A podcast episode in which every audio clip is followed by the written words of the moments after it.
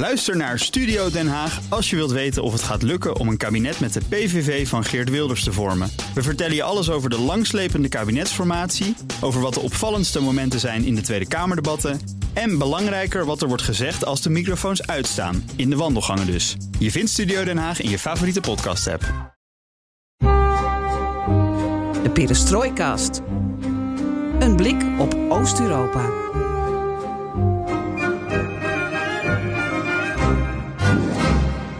Welkom bij BNR Perestroikast, aflevering 203 van de enige podcast van Nederland die volledig oog voor het oosten heeft en geeft. En niet vanuit Amsterdam, ook niet vanuit Warschau, maar vanuit de Poolse plaats Terespol, bij de grens met Belarus. Wat hebben we hier te zoeken, Geert-Jan, zo op het dag van de Poolse parlementsverkiezingen? Nou, eigenlijk is dat de aanleiding natuurlijk. Uh, we willen kijken hoe er ook buiten de grote stad wordt gestemd. En we zien hier overal uh, verkiezingsborden op straat. Uh, alle hekken zijn volgeplakt. We hebben met mensen daarover gesproken. En straks gaan we bij een stembureau kijken. En daarna gaan we terug naar Warschau. En dan kijken we hoe daar de verkiezingen leven natuurlijk. Maar goed, je hebt gelijk. We zijn niet helemaal naar, naar Terespol. 2,5 uur met de trein van Warschau afgereisd om de verkiezingen uh, ja, voor te bespreken met de mensen. We hebben ook wel gekeken naar hoe ze hier op een steenworp afstand van de grens met Belarus kijken naar die gespannen Poolse-Belarussische relatie.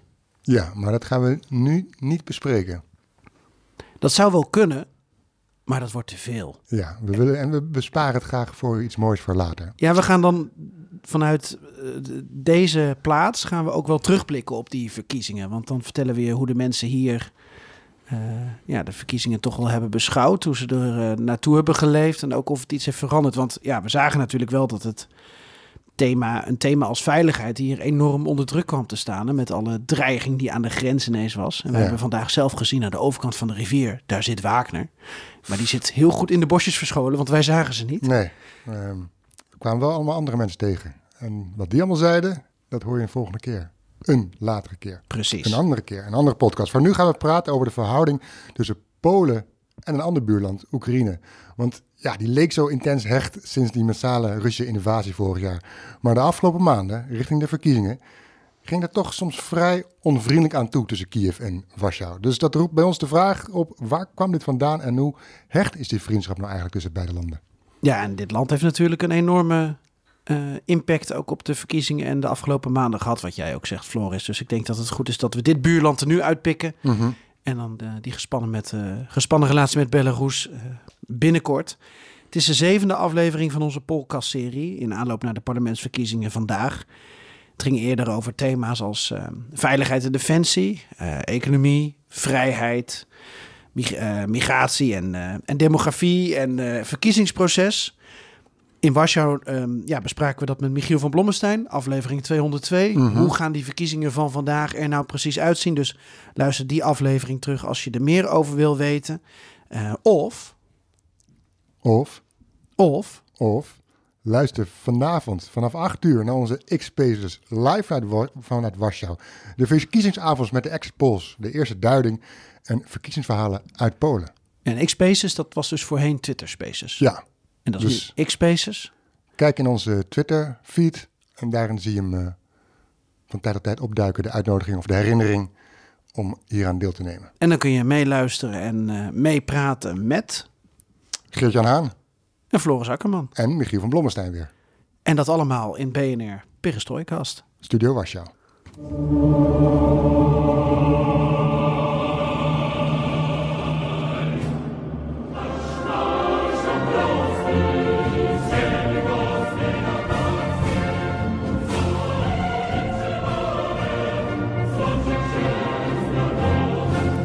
Het leek zo'n hechte vriendschap tussen Oekraïne en Polen. Zodra Rusland vorig jaar Oekraïne binnenviel, stonden de Polen klaar om Oekraïnse vluchtelingen op te nemen. Warschau stuurde wapens en geld naar het buurland en president Duda bezocht als eerste buitenlandse politicus Kiev na die Russische invasie. Maar ja, toen kwam er een kink in de kabel van die hechte vriendschap. De afgelopen maanden werd er geruzied over Oekraïnse graanstransporten. Was er Poolse onduidelijkheid over de levering van wapens aan Oekraïne, met name nieuwe wapens. Dat zou niet meer gebeuren. En Warschau beweerde ook dat het niet was uitgenodigd voor een defensieforum in Oekraïne. Het ging er gewoon even niet zo vriendelijk aan toe. Nee, dat kun je wel stellen. Dus dat roept de vraag op, waar komen deze spanningen vandaan? En, en hoe ver gaat die vriendschap tussen beide landen eigenlijk? Ja, Ehm, Floris. Ja. Ik, Dat heb jij eh, ben- daar onderzocht. ben- ja, ik ben met mijn opnamerecorder Warschau ingedoken.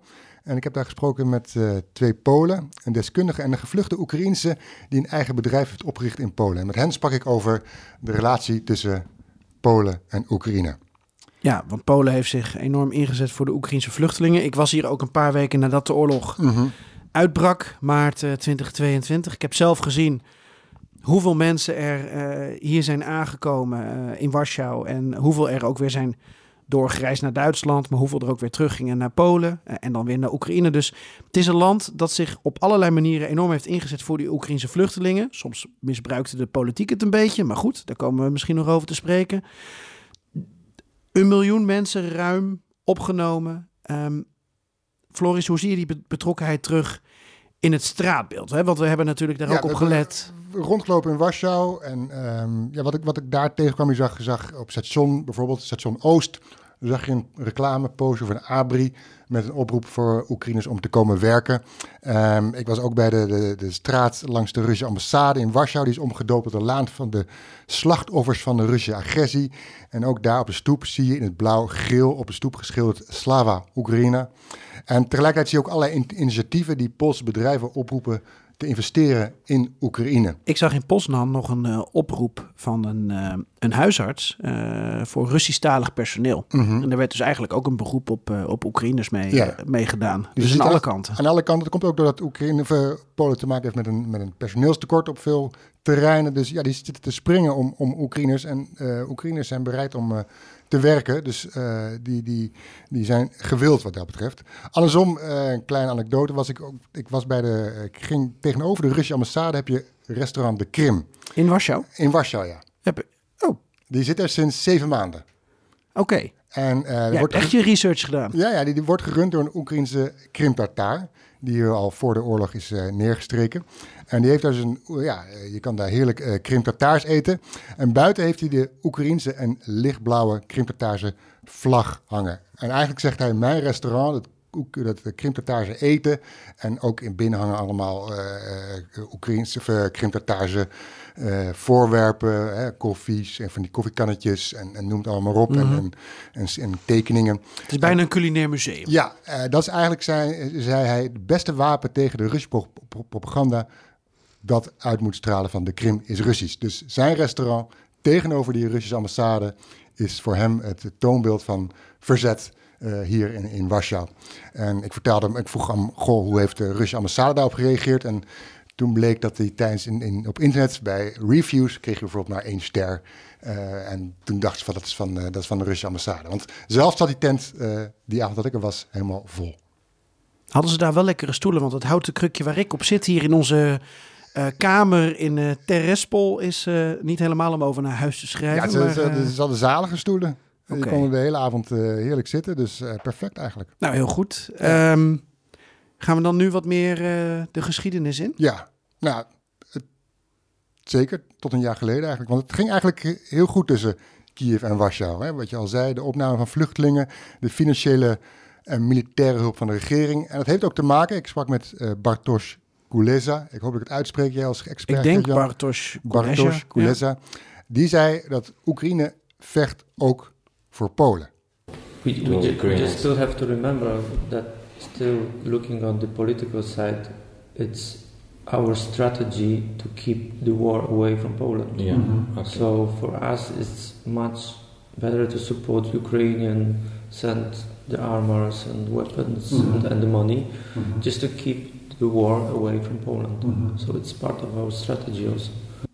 Tegelijkertijd plukt Polen de vruchten van die komst van die eh, Oekraïnse vluchtelingen. Je ziet dat Oekraïners meedraaien de, in de economie. Ze richten bedrijven op. Het gaat volgens het eh, Poolse Instituut voor, voor Economie om 30.000 bedrijven. Daaronder vallen ook eenmanszaken, dus zeg maar ZZP'ers. Ehm, ze consumeren, ze betalen belasting. Dus experts stellen zelfs dat de Oekraïners ja, hierdoor bijdragen aan de groei van de Poolse economie. Ja, dat is toch een heel ander beeld dan we soms hebben van eh, vluchtelingen. Mhm, ja, Die alleen maar eh, ja, meekomen eten, als het ware. Ja. Eh, maar zelf niet de ingrediënten meenemen of wat opdienen.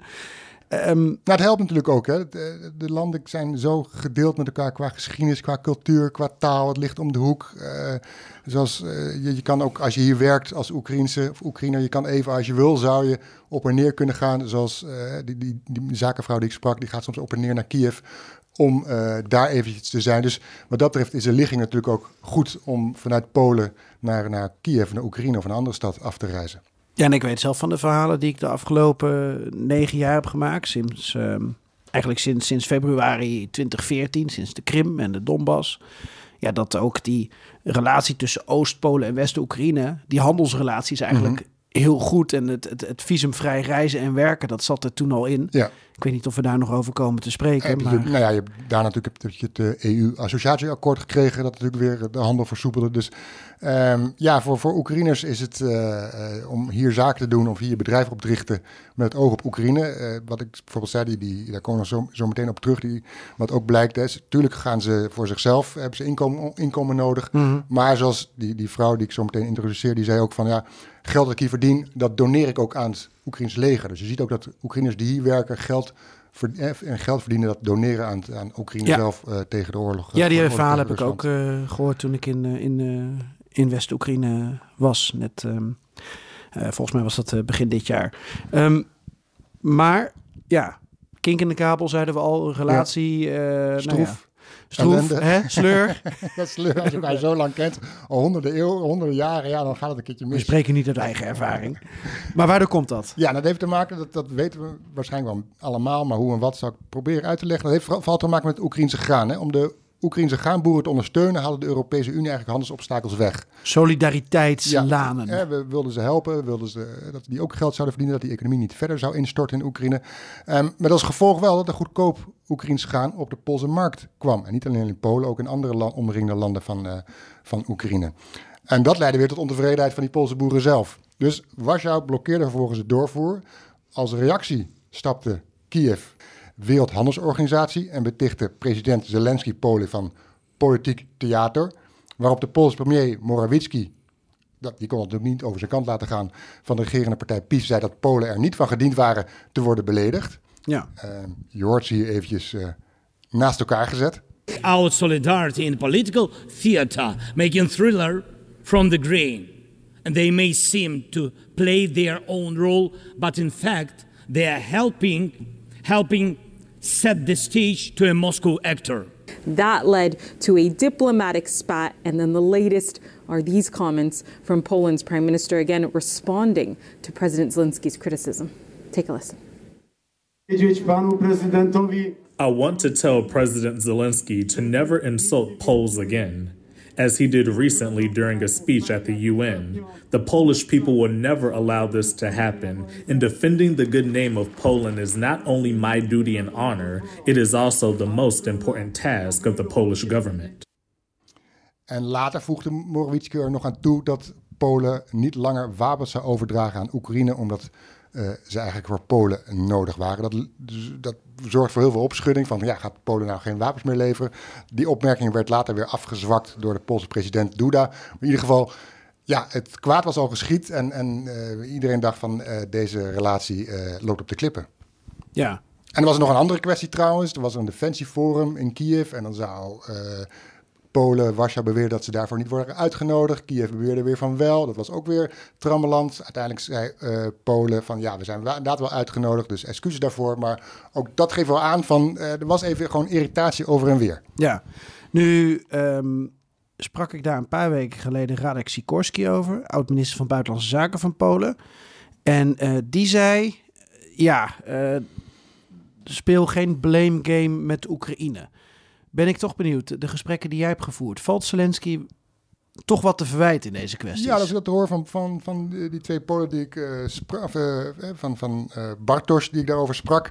En is toch al die agressieve, agressieve toon die de Polen tegen gaan staan. Die agressieve toon van Zelensky, we kennen dat ook wel. Hij kan soms fel uit de hoek komen en, en, en direct zijn.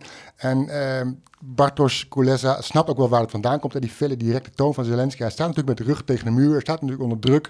Eh, en hij moet proberen alles uit de kast te halen voor zijn, voor zijn land. Dus ja, dan ga je soms zo tekeer. En hij gaf, ja, Bartos zei tegelijkertijd van ja, ik snap ook wel, het komt natuurlijk ergens vandaan. Polen werkt ook niet mee. Ja, dan, dan raak je geïrriteerd en ja, dan kom je voor je land op. Nou, hij voelt zich onheus bejegend. Ja, hij dus- zegt, dus- het is niet onze schuld als je die eh, wagons eh, verzegelt voor die doorvoer, wat Sikorski ook voorstelde. Ja, Dan kan het gewoon naar de havens in, in, eh, in Polen en maar doorvoer dat worden. naar- moeten naar jullie doen. Ja, En dat is omdat de Europese Commissie heeft gezegd dat we deze vorm van solidariteit tonen. Ja, dus eh, dat gebeurde dus niet. Dus, dus ja, eh, over en weer eh, irritaties. En ook vanuit de Oekraïnse kant, de zakenvrouw waar ik, die ik, waarmee, waarmee ik had afgesproken, Anna Vinichenko, eh, is kritisch op haar landgenoot, de president. Ehm, zij richt een eigen bedrijf op in Polen nadat ze was gevlucht. Nou, dat zal hem leren. Precies. Of dat Eh, was niet het bruggetje ja, dat je wilde komt, maken. Komt, komt, komt, komt. Ik hou je nog even. Ik, ik geef een kleine inleiding. hè. Zij, zij richt een eigen bedrijf op in Polen nadat ze vorig jaar was gevlucht. Een bedrijf dat dat Oekraïense eh, en Poolse bedrijven aan elkaar koppelt. eh, zodat Polen, Poolse bedrijven kunnen investeren in, in Oekraïne. En zij kent ook de juridische wegen in Oekraïne. Dus ze begeleidt die bedrijven daar ook in. En tegelijkertijd vertegenwoordigt ze ook de Oekraïnse Kamer van Koophandel. En dit zei ze over de Oekraïense houding ten opzichte van Polen. En ook de stap naar de Wereldhandelsorganisatie. uh, we can make uh, any agreement without court. Yes. like two adults before. Yes. Within a marriage. Yes, yes, yes, but but without court. Why? It's very aggressive step as well. Ze voegde er wel aan toe van ja, kijk, Polen of Oekraïne heeft natuurlijk alle hulp van iedereen nodig. Het is land is in oorlog, maar het moet begrijpen dat andere landen ook hun belangen hebben. Dus ze klinkt eigenlijk vrij genuanceerd en kritisch op haar eigen, op Kiev. It's um, but we can uh, understand and we have to understand that it's um, it's a country with its own interests also, and uh, maybe that is the main problem that uh, we want uh, and and say and uh, it's clearly that uh, we have war and we need help from another countries, but help for us and uh, where is the border uh, between helping us and their own interest.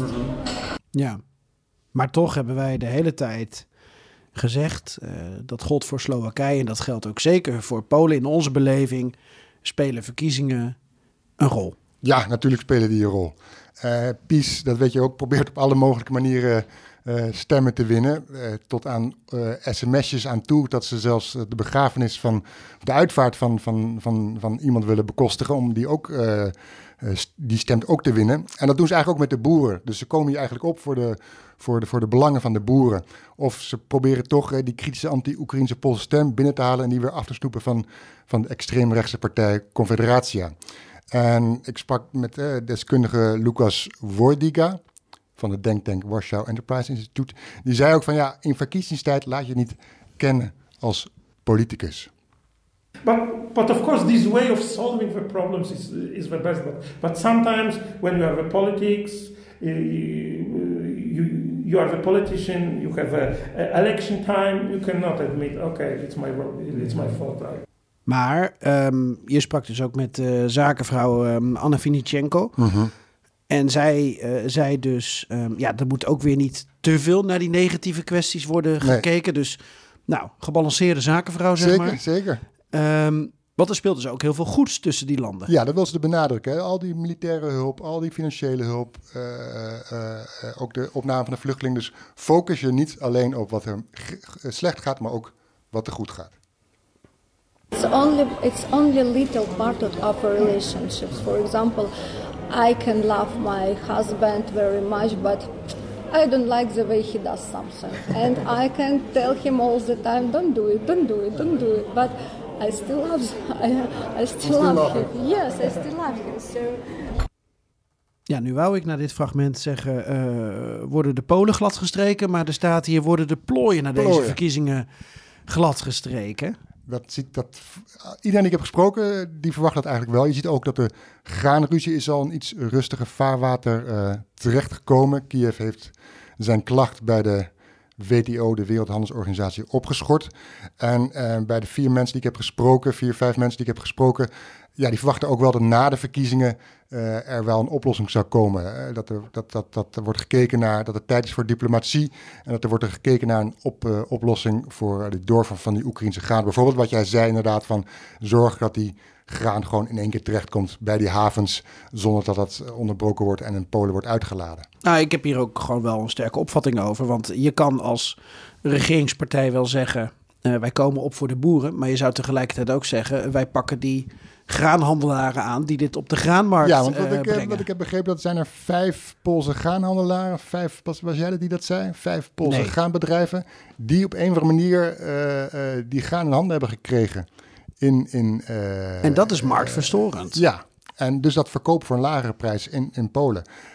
Eén bron is geen bron, dus ik heb maar van één bron dit verhaal. Nou, het, het, het aantal eh, handelaren weet ik niet. Maar het is wel grappig dat eh, de huidige eh PiS-regering... ehm, nou ja, op het moment van opname, misschien luister je dit zelfs na de verkiezingen. Maar goed, dat de PiS-regering zegt... wij willen compensatie voor de boeren en ze kloppen aan in Brussel.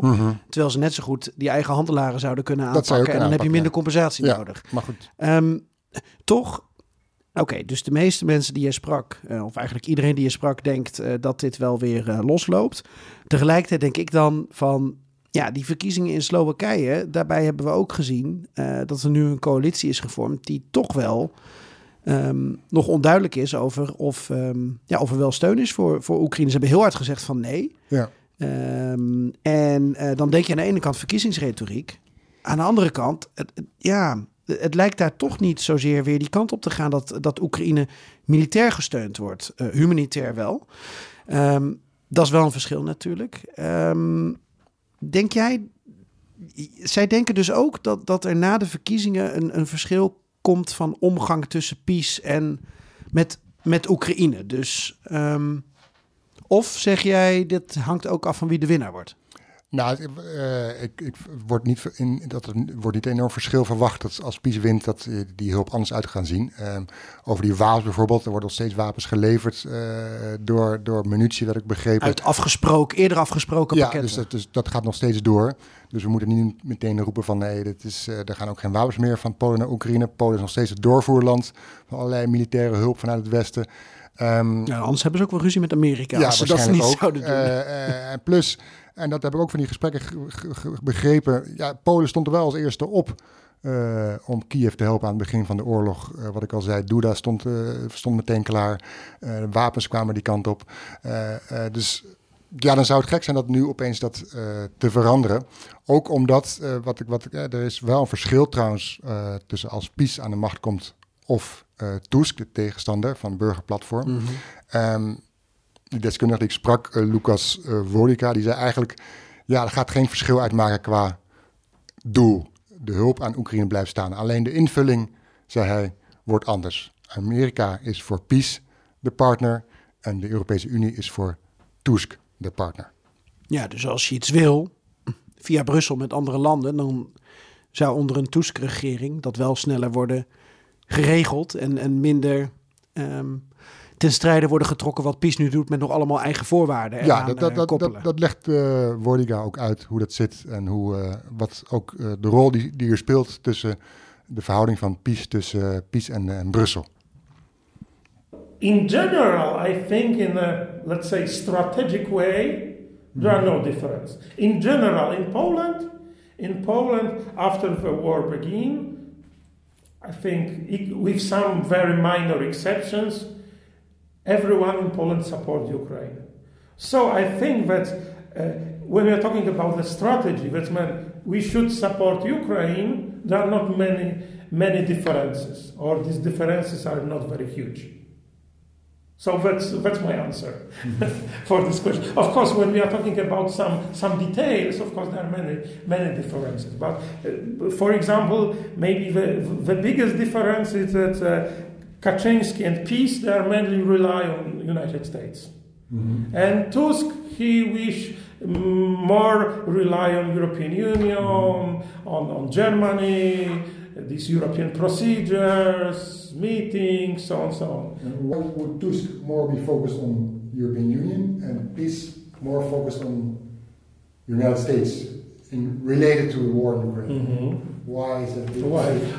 Government of peace is more conservative, Mhm. yeah, and not uh, they are not fully. Uh, they have not the full trust into Europe, European Union procedures and European and the way the Europe is developing right now.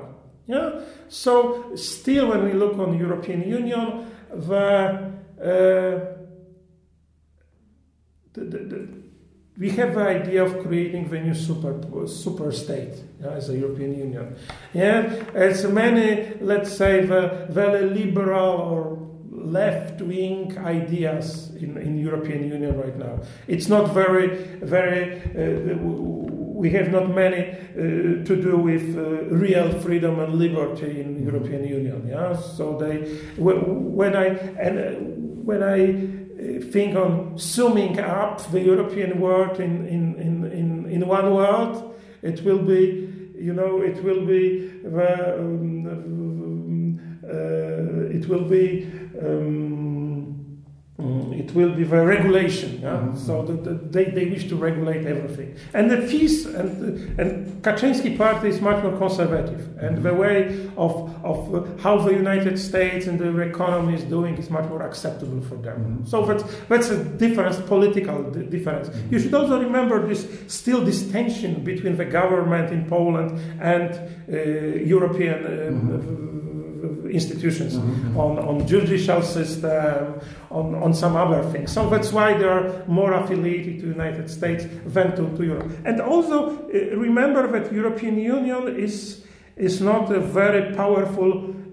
It's it's not uh, it's not the military power. Mm-hmm.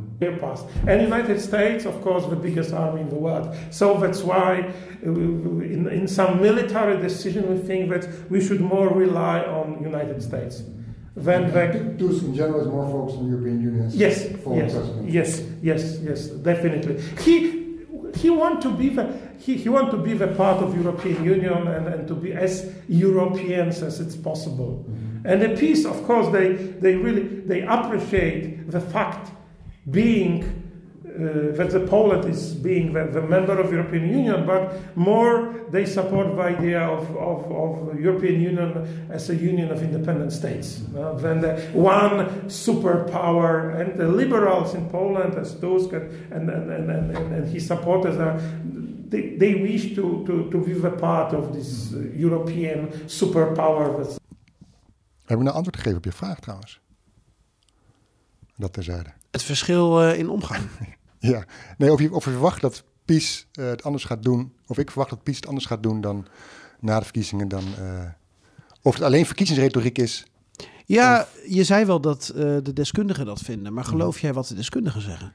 Uh, ik geloof eigenlijk wel dat wat niet alleen de deskundigen zeggen, maar ook wat, wat, wat met de politiek heb gesproken, de politiek heb gesproken en met die Oekraïnse zakenvrouw, ook die geloven erin dat, ja, het is, het is zoals die Oekraïnse zakenvrouw zei, het is een huwelijk met soms wat problemen.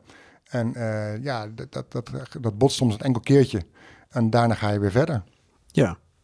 En zelf denk ik van, ja, het is, het is die landen, uh, ja, het is ik weet niet hoe jij dat ziet, maar het, het, is een sterke vriendschap. En ja, zo nu en dan gaat er wat mis. Um, ze delen hetzelfde belang, hè, dat, dat, daar gaat het om. Uh, ze, ze, willen alle twee Oek Rusland verslaan. En ze willen alle twee dat Oekraïne in de Europese Unie komt. Uh, ook goed voor de economie. Ze hebben een gedeelde cultuur, de taal lijkt op elkaar. De geschiedenis komt overeen. Um, wat dat betreft zijn ze zo erg met elkaar verwant. Dat je zou zeggen, er moet wel heel veel gebeuren wil, ja, wil tot een scheiding komen tussen deze landen. Dat, dat zegt ook Lucas Wordiga over belangen boven ruzies. I'm really, let's say, I'm, I'm rather positive when I look, look, look to the future of our uh, relation between the Poland and, and, and Ukraine. Because, uh, as you mentioned, the, the interests are, are more important than, uh, than the differences, mm-hmm. which could appear, of course, as in normal life, there, there could be some difference, but mm-hmm. still the interests are, interests are, are, are, are, more, more important, and I am rather positive. Dus een uh, sterke vriendschap met zo nu en dan een, uh, een hobbel. Juist. Maar Floris, toch op de valreep, omdat het nou eenmaal een belangrijk thema is. En we hebben het over een, een, een relatie waar de sleur in is gekomen. Mhm. Af en toe is er verzoening. Dus je wilt toch nog even terugkomen op, uh, op Volin. Ja, dat is natuurlijk een zwarte bladzijde tussen, tussen beide landen. Uh, dat was tijdens de Tweede Wereldoorlog hebben de Oekraïners daar uh, massaal Polen vermoord. En dat speelde nog altijd een rol en zo nu dan worden we opgerakeld. En um, ja, wat, wat, uh, wat mensen die ik heb gesproken daarover, die zeggen eigenlijk van ja, het verleden moeten we laten rusten, moeten naar voren kijken. Um, die expert die ik sprak, die zei wel van ja, dat moeten we nou laten rusten, maar het zou wel ook wel goed zijn als Oekraïne iets van excuses maakt, berouw toont. Um, een eerste stap is wel gezet. Uh, dit jaar kwamen Duda, de Poolse president, en Zelensky uh, bij elkaar en hebben ze samen de Poolse slachtoffers uh, die daar gevallen zijn, die daar vermoord zijn door de Oekraïners, hebben ze samen herdacht. En dat is een eerste gebaar. Ja. Ja. Het is wel heel gecompliceerd en het wordt één keer in de zoveel tijd opgerakeld. Maar ik hoop ook een beetje dat nieuwe generaties, dat het een soort van slijt. Het moet niet vergeten worden, maar dat het een soort van slijt en tot een normalisatie ja, als, ik, op als, dat... als, als, die twee Polen sprak en, en, en, en uh, die expert was, had ik niet het idee dat daar nog ontzettende wrok zat en, en, en, en, en woede zat over wat er toen is gebeurd. Nee. Nee, en ze hebben nu weer een, uh, een andere gezamenlijke vijand. Dezelfde als die wij hier in uh, Terrespol op uh, de muurschildering zien. Polen en Oekraïners die, die tegen, strijden tegen, tegen de, de rode. Ja. Tijd voor de mop. Jij hebt er een, heb ik begrepen. Ja, ik heb er een. Hij is wel lang. Oké. Okay. Ben je er klaar voor? Ik ben er klaar voor. Daar komt hij. Ja, hij is dus vrij grof. Maar goed, dat zijn we van. Joost op zich gewend. En ik dacht op deze hotelkamer in Terespol, uh, op een steenworp afstand van Belarus, uh, kan dit wel. Want de mop gaat ook over de Pools-Belarussische grens. En er is een... Uh, Moet je nou niet bewaren voor de volgende aflevering? Over. Nou, dat zou kunnen. Maar en, dan, dan bewaar ik dat wij zijn um, staande gehouden door de politie. Mm -hmm. Voor de volgende aflevering in, uh, in Terespol. Want dat, um, dat was toch wel een, uh, een gedoetje hier. Maar ik ga deze mop wel vertellen over de grens. En over de grenspolitie. Want er is een uh, Belarussische ja, grenswacht. En die loopt zo langs de grens. En die verwacht dat hij een rustige avond heeft. En dan ineens ziet hij iets hangen aan een boom. Iemand heeft zichzelf opgehangen. Echt, echt, echt op de grens. Mm -hmm. He, een boom, een boomtak op de grens. En um, nou, hij roept dus zijn partner. Um, Ivan, Ivan, kom, kom snel. Er, er, hangt hier iemand aan die boom. Um, iemand heeft zelfmoord gepleegd. Echt hier op de grens. Wacht, oh nee toch, oh nee toch, zegt Ivan. Al die administratie die er nu weer bij komt kijken. En over 30 minuten dan zouden we eigenlijk afgelost worden en ik mag op vakantie en kom op, weet je. Um, goed, help me. We, we halen hem uh, naar beneden en um, we hangen hem aan die tak, want die hangt dan aan de Poolse kant. Kom, we gaan het regelen. Nou, zo gezegd, zo gedaan. Dus ze pakken het, uh, het lijk uh, van, de, van de boom af, van de tak af, die op de grens zit. Een beetje dus overhengeld zo Mhm, naar de Belarussische kant. En ze hangen hem aan een tak die precies zo aan de Poolse kant komt. Niet meer hun probleem. Nou, hartstikke fijn. Dus die vent die uh, wordt daar dus weer, weer opgehangen, maar dan aan de Poolse kant van de grens. En ehm, ze lopen weer terug uh, voor hun rondje. En uh, nou, dan zijn er 30 minuten voorbij en worden ze afgelost, deze grenswachten. Een uurtje later, aan de Poolse kant. Poolse grenswacht, die, uh, die doet zijn rondje. En hij ziet ineens iets, iets hangen aan de boom. In de wind. En hij, hij pauzeert en hij staart, ogen wijd open. En hij schreeuwt naar zijn collega: Miroslav, ik kan het niet geloven. Kom kijken. Hij is weer terug. Hij is zo lang ik gewoon de draad kwijt ben. Алинка моя, в саду ягода, малинка, малинка моя. Малинка, малинка, малинка, малинка, малинка, малинка, малинка,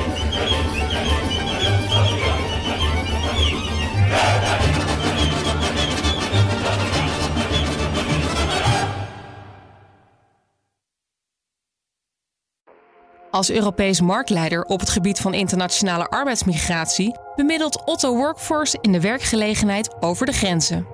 Zowel binnen Centraal- en Oost-Europa als naar landen in West-Europa. Daarin ligt de focus op de motieven en ambities van de medewerkers. De visie van Otto Workforce is dat circulaire arbeidsmigratie de toekomst heeft. Dus niet alleen het bieden van werkgelegenheid voor cruciale beroepen, maar tegelijk het faciliteren van de terugkeer naar het land van herkomst na verloop van tijd. En dit alles goed gereguleerd. Meer weten? Kijk op www.ottoworkforce.com. Ook Harm Edens vind je in de BNR-app. Je kunt BNR Duurzaam niet alleen live luisteren in de app, maar ook terugluisteren als podcast, zoals al onze podcasts. En naast dat de BNR-app Breaking News meldt, houden we je ook op de hoogte van het laatste zakelijke nieuws. Download nu de gratis BNR-app en blijf scherp.